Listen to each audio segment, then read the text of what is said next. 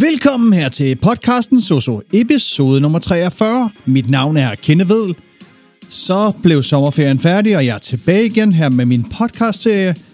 I dag så skal vi tale om øh, de illustrationer, der hører til kapitlet omkring molaritet, stofmængder og koncentrationer.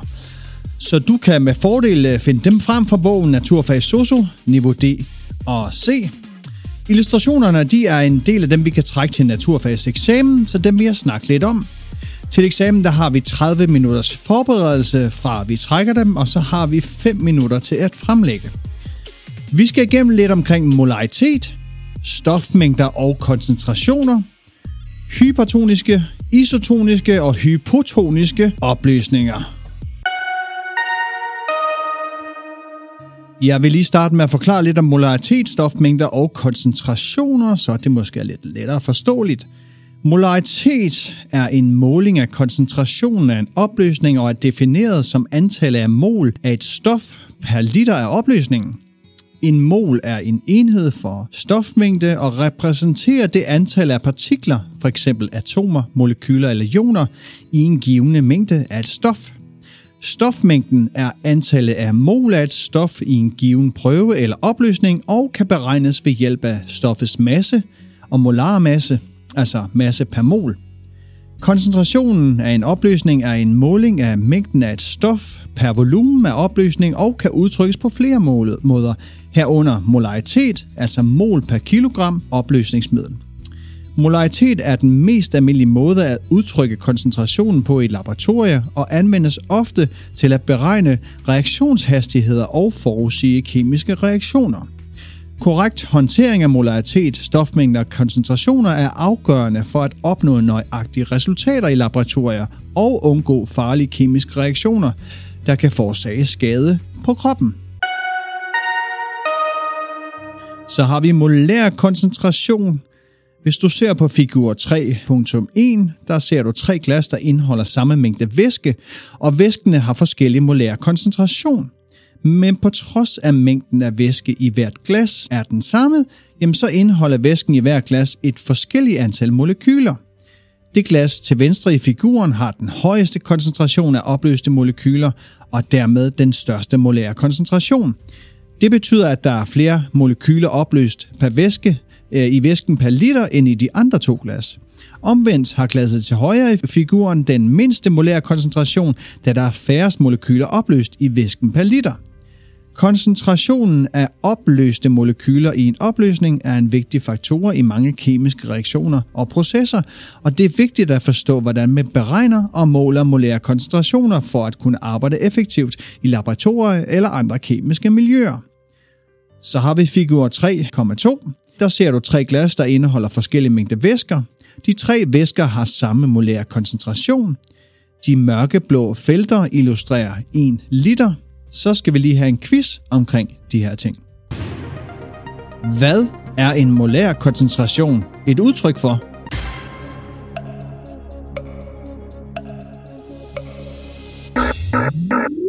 Hvor meget stof, der er opløst i en væske. Hvilken enhed måler man molaritet i?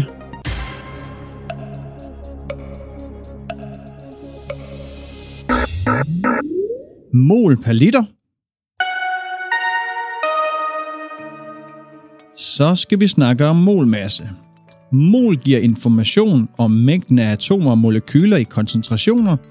Når man skal skabe en mol, altså molar opløsning, er det nødvendigt at måle en mol af molekylerne – da det ikke er praktisk muligt at tælle individuelle molekyler, jamen så bestemmer man i stedet vægten af 1 mol af stoffet og vejer den mængde af det.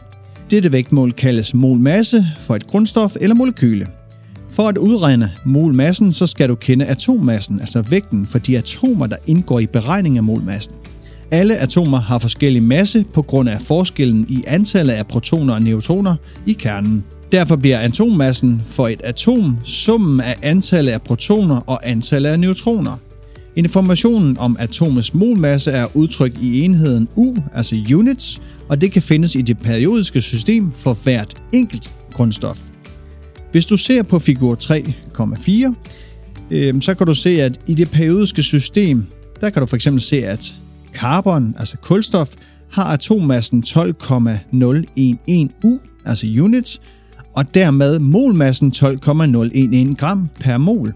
Det vil sige, at hvis du vejer 12,011 gram carbon på en vægt, så vil du have 1 mol carbonatomer. Hvis du ser på figur 3,8 i det periodiske system, der kan du nemlig se, at natrium har atommassen 2,99 units, og dermed en molmasse på 2,99 gram per mol. Det vil sige, at 2,99 gram natrium svarer til 1 mol natrium. Klor har atommassen 35,453 units, og dermed er molmassen øh, 35,453 gram mol. Det vil sige, at 35,453 gram klor svarer til 1 mol klor. Udregning af molmasse for et saltmolekyle, som er natriumklorid. Jamen når salt ligger som køkkensalt i saltkrukken derhjemme, jamen så er det som natriumkloridkrystaller men når du hælder det i vand, så bliver det opløst og bliver til frie natrium plus ioner og klorid minus ioner.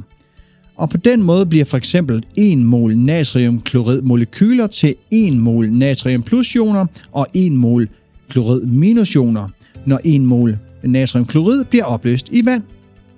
Hvis du ser på figur 3,7, her kan du se, at natriumkloridmolekyler bliver opløst til ioner i vand – hvis du ser på figur 3,5, så kan du se, at opløsningen er 1 mol, og den indeholder 1 mol glukose, som svarer til 6,02 gange 1023 glukosemolekyler. Og for at lave den blanding, så skal du vide, hvor meget glukose du skal blande med væsken. Hvis du ved, hvor meget et enkelt glukosemolekyle vejer i enheden unit, jamen så kan du finde ud af, hvor meget en hel masse af glukose vejer i gram og det hjælper dig med at have den rette mængde glukose for at lave 1 mol af glukosemolekyler. Og for at finde ud af, hvor meget gluko- glukosemolekyler vejer, jamen så skal du lægge vægten af alle atomer i molekylet sammen. Og det gøres ved hjælp af et tal, der er afrundet for at gøre det nemt.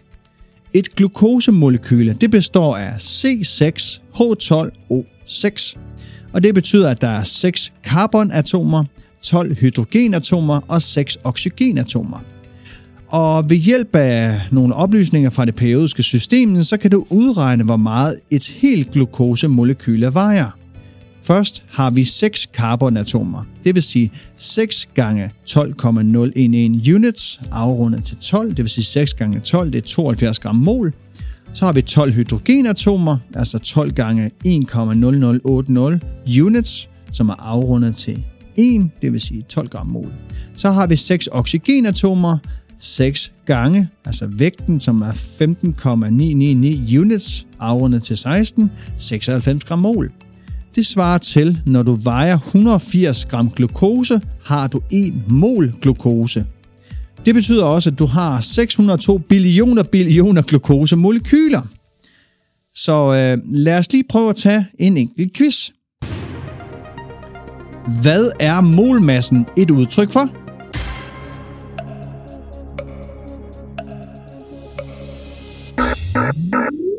vægten af 1 mol stof. Lad os tage det sidste spørgsmål.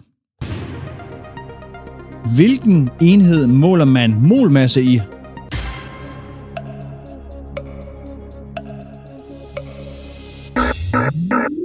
Det gør man i unit og i gram mol. Så skal vi snakke om hypertonisk, isotonisk og hypotoniske opløsninger. Hvis du ser på figur 3,9, så kan du se på illustrationen, hvordan cellen reagerer, når den opholder sig i hypertonisk væske, isotonisk væske eller hypotonisk væsker. Hvis cellen ligger i den hypertoniske væske, hvor saltkoncentrationen er større end saltkoncentrationen i cellens intracellulære væske, så vil vand vandre ud af cellen. Det betyder, at cellen dehydrerer og skrumper. Hvis cellen ligger i en isotonisk væske, hvor saltkoncentrationen er den samme som saltkoncentrationen i cellens intracellulære væske, jamen så vil der være balance i forhold til cellens transport af vand og stoffer ind og ud af cellen. Hvis cellen ligger i en hypotonisk væske, hvor saltkoncentrationen er mindre end saltkoncentrationen i cellens intracellulære væske, så vil vandet vandre ind i cellen, og det betyder, at cellen overhydrerer og vil vokse og sprænges. Lad os prøve at gennemgå det igen. Hypertonisk væsker. Jamen, disse væsker de har en høj koncentration af opløste stoffer, og når de kommer i kontakt med celler, jamen så kan de trække vand ud af cellerne og få dem til at krympe. Hvis kroppen har for meget salt i blodet, kan det føre til en tilstand kaldet hypernatermi, hvor cellerne bliver dehydreret, og det kan føre til symptomer som tørst, hovedpine, forvirring og i alvorlige tilfælde kramper og koma. Et eksempel på en hypertonisk væske kunne være en 3% natriumklorid altså sammenlignet med den normale koncentration af natriumklorid i blodplasma, som er ca. 0,9%, så har den hypertoniske opløsning en højere koncentration af salt. Så har vi isotoniske væsker. Jamen, de her væsker de har samme koncentration af opløste stoffer som kroppens celler, og dermed vil der ikke være nogen netto bevægelse af vand ind og ud af cellerne, når de kommer i kontakt med dem. I midlertid kan væsketab eller dehydrering føre til en forøgelse af saltkoncentrationen i blodet, hvilket kan føre til symptomer som træthed, svaghed og forvirring. Et eksempel på en isotonisk væske er, at den har samme saltkoncentration som den normale koncentration af natriumklorid i blodplasma, som er de 0,9 så har vi hypotonisk væsker, og det er væsker, der har en lav koncentration af opløste stoffer. Og når de kommer i kontakt med cellerne, så kan de få cellerne til at optage for meget vand og svulme op.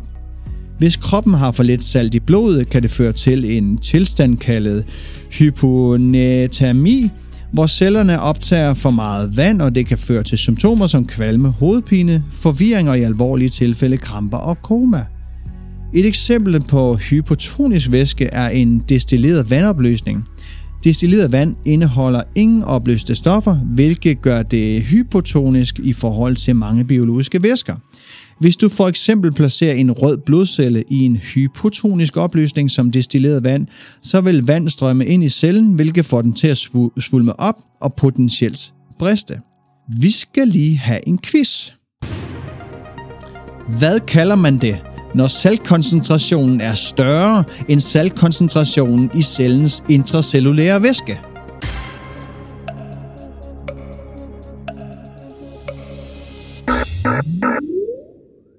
Opløsning er hypertonisk. Hvad er saltindholdet i og omkring kroppens celler?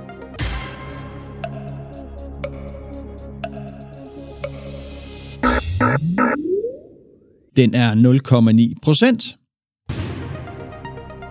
Hvad kalder man det, når saltkoncentrationen er mindre end saltkoncentrationen i cellens intracellulære væske?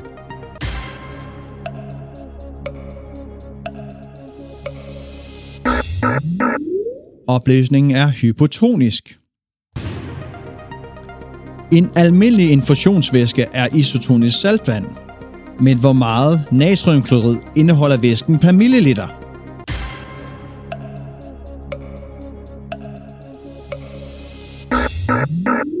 ...9 milligram. Og så skal vi til det sidste spørgsmål.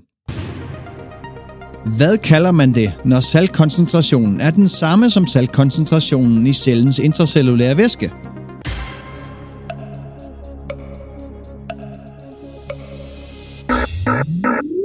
Opløsningen er isotonisk. Så skal vi tale om osmolaritet. Osmolaritet er et kemisk begreb, der beregner antallet af mol af osmotisk aktivitet partikler per liter opløsning. Det kan fx være glukosemolekyler i en vanlig opløsning. Osmolaritet måles i mol per liter eller osmol per liter. Hvis du ser på figur 3,11, så kan du se, at 1 mol glukose dissocierer ikke i vand, da det er en kovalent binding.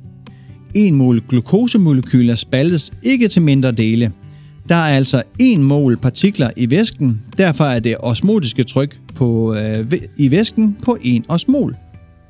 Hvis du ser på figur 3,12, så kan du se, at 1 mol natriumklorid dissocierer til frie natrium plus og klorid minus øh, ioner i vand, da natriumklorid er en ionbinding, det vil sige, at øh, væsken den kommer til at indeholde 1 mol frie natrium plus ioner og 1 mol frie øh, klorid minus ioner.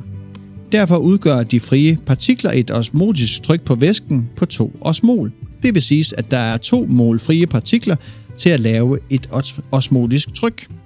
Bemærk, at molmassen er stadig den samme i forhold til, at der er opløst 1 mol natriumklorid i væsken.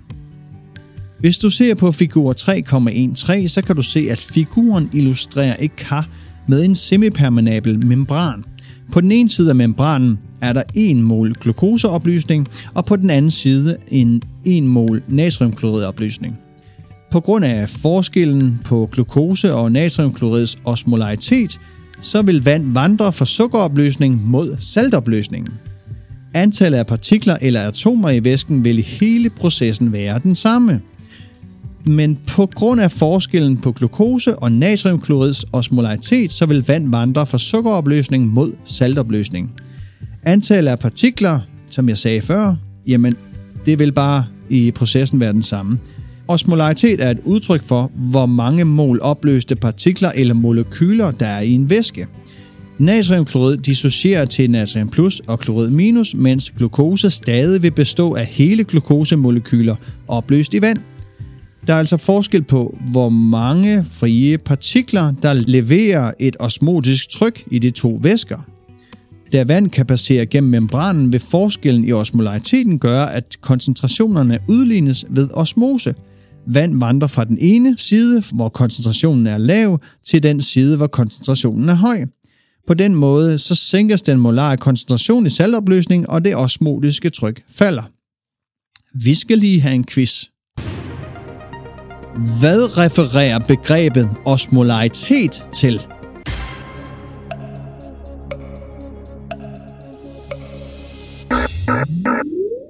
Koncentrationen af molekyler i en opløsning.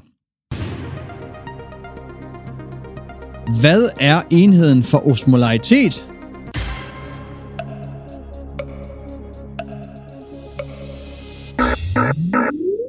Osmol per liter.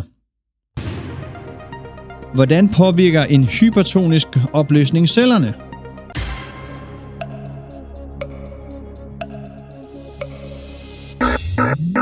Cellerne skrumper ind. Hvilken type væske kan føre til cellesvulming i en biologisk kontekst?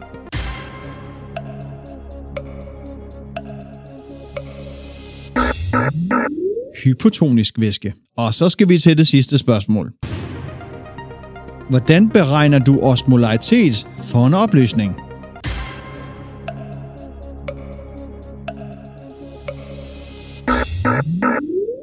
ved at multiplicere koncentrationen af opløste stoffer med volumen. Tak fordi du lyttede med til det her afsnit om molaritet, stofmængder og koncentrationer. Jeg håber, du fik lidt ud af det. Du kan finde mig på det sociale medie LinkedIn, og har du nogle spørgsmål eller forslag til emner, er du velkommen til at sende mig en mail på sososnabelag.positivlivsstil.dk og så ses vi bare derude, hvor vi ønsker at gøre en forskel. So